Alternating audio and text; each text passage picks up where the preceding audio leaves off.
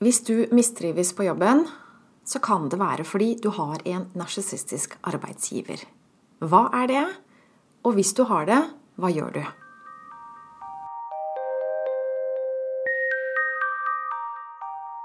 Jeg heter Line Strandvik. Jeg jobber online som personlig veileder, hvor jeg hjelper deg tilbake til sannhet, hvor livet er ekte og meningsfylt. Jeg har jobba mye med skilsmisser. Og i det arbeidet der så oppdaga jeg ordet narsissist og hva det innebærer. En person kan være en narsissist. Det kan være samboeren, det kan være en far, en mor, en svigermor. Så en person kan være en narsissist. Og narsissister kan være overhodet i familien. Men de kan også være overhodet i en utvida familie, som en sekt. Sektledere er narsissister. Men narsissister kan også lede organisasjoner og bedrifter. Og mange jobber for en narsissist uten å vite det. Og det kan være dårlig arbeidsmiljø, eller giftig arbeidsmiljø, toxic som det heter på engelsk. Og det kan skyldes en narsissistisk leder. Men det er ikke så lett å vite det, fordi mange kjenner jo ikke toppledelsen godt nok til å vite det. Og dessuten så er det veldig vanskelig å oppdage. Til og med de som har vært gift med en narsissist i mange år, har ikke oppdaga det før lang tid etter. Så det er ikke lett å oppdage. Men problemet med slike forhold, et forhold til en narsissist, det er at du gir mer enn du får. Og i tillegg du jobber ikke for det du trodde du jobba for. I virkeligheten tjener du narsissisten. Du tjener ikke det gode fellesskapet som du trodde. Så du blir lurt, og du blir misbrukt. Og du blir manipulert til å være med på det her. Og det er noen bestemte teknikker som brukes til å lure deg til å gå med på det her. Narsissister bruker de samme verktøyene.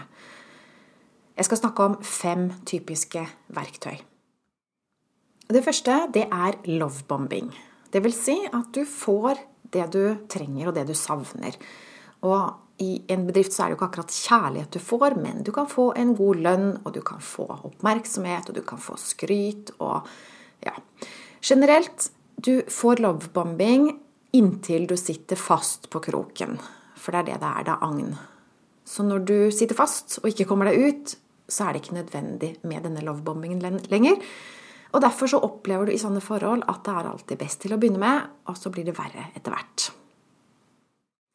Den andre teknikken det er at narsissister bruker splitt og hersk. De skjuler seg bak konflikter. De skaper konflikter, og så skjuler de seg bak.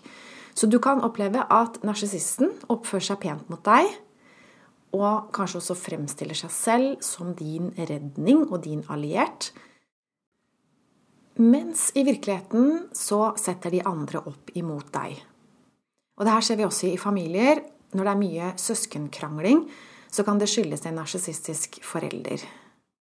Splitt og hersk det brukes egentlig for at narsissisten skal gå fri, at de andre ikke skal oppdage hva som egentlig er problemet. Så de får andre til å krangle med hverandre. Så sånn kan det være på en arbeidsplass òg, at når det er mye konflikter på jobben, kan det være den hyggelige sjefen eller en eller annen hyggelig person som egentlig er årsaken til disse konfliktene. Det handler om at narsissister får andre til å gjøre drittjobben for seg. Narsissister tjener på at andre krangler. Splitt og hersk, det er nummer to. Nummer tre, det er løgner. Du blir løyet for. Og det kan være dobbel kommunikasjon, at du får høre det ene og det andre, og du blir litt forvirra av det her. Og det kan være ordsalat. At du bare blir eh, bombardert med en hel masse ord, så du mister egentlig oversikten over hva som blir sagt, så du bare gir opp og prøver å forstå. Og samlebetegnelsen for alt det her, det er gaslighting. Du blir forvirra om hva som blir sagt, og du begynner å tvile på din egen dømmekraft. Så målet med det her er egentlig å få deg til å tvile på deg selv. Den fjerde teknikken som narsissister bruker, det er projeksjon. Det vil si at du får skylden for det de gjør galt. også kalt blame shifting. Det er ikke så lett å se at det her foregår, men det er en av teknikkene. Så hvis du blir oppmerksom på det, at du får skylden for noe du ikke har gjort, og du begynner å se hvem som egentlig har gjort det, da kan det være et tegn på at du blir utsatt for en narsissist.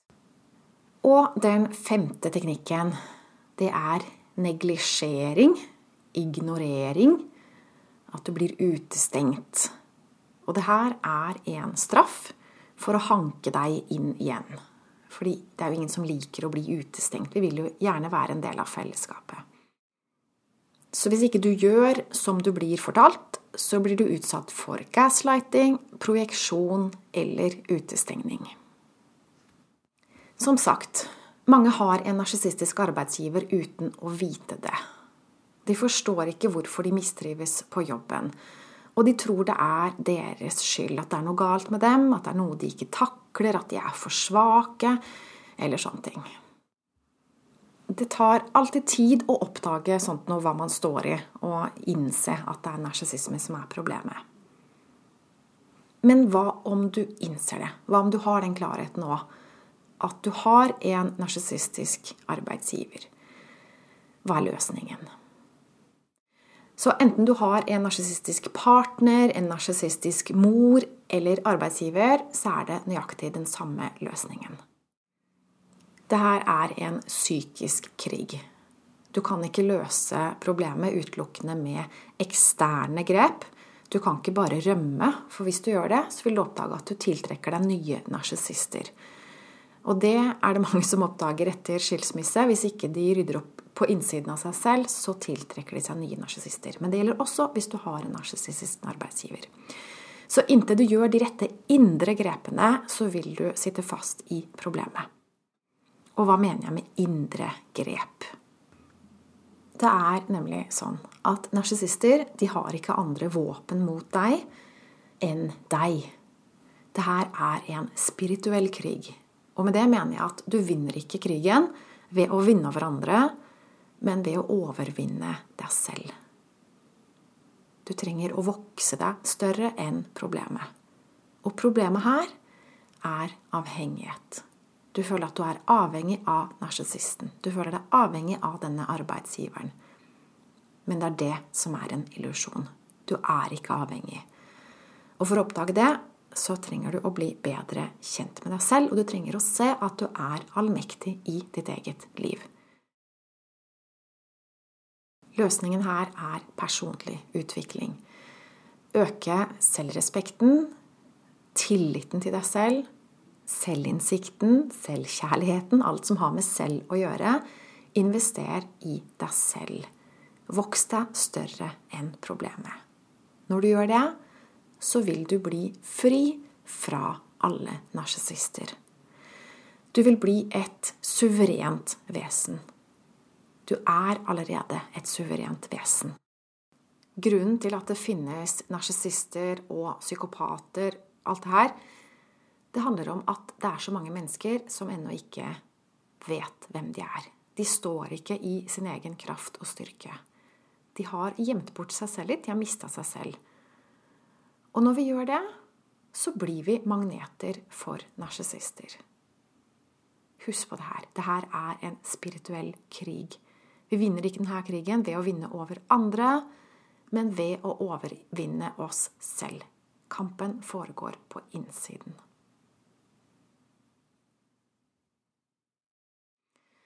Så jeg håper det her var nyttig for deg. Og hvis du vil ha min hjelp til å vokse deg større enn problemet, så kan du bestille personlig veiledning fra min e-butikk på linestrandvik.no.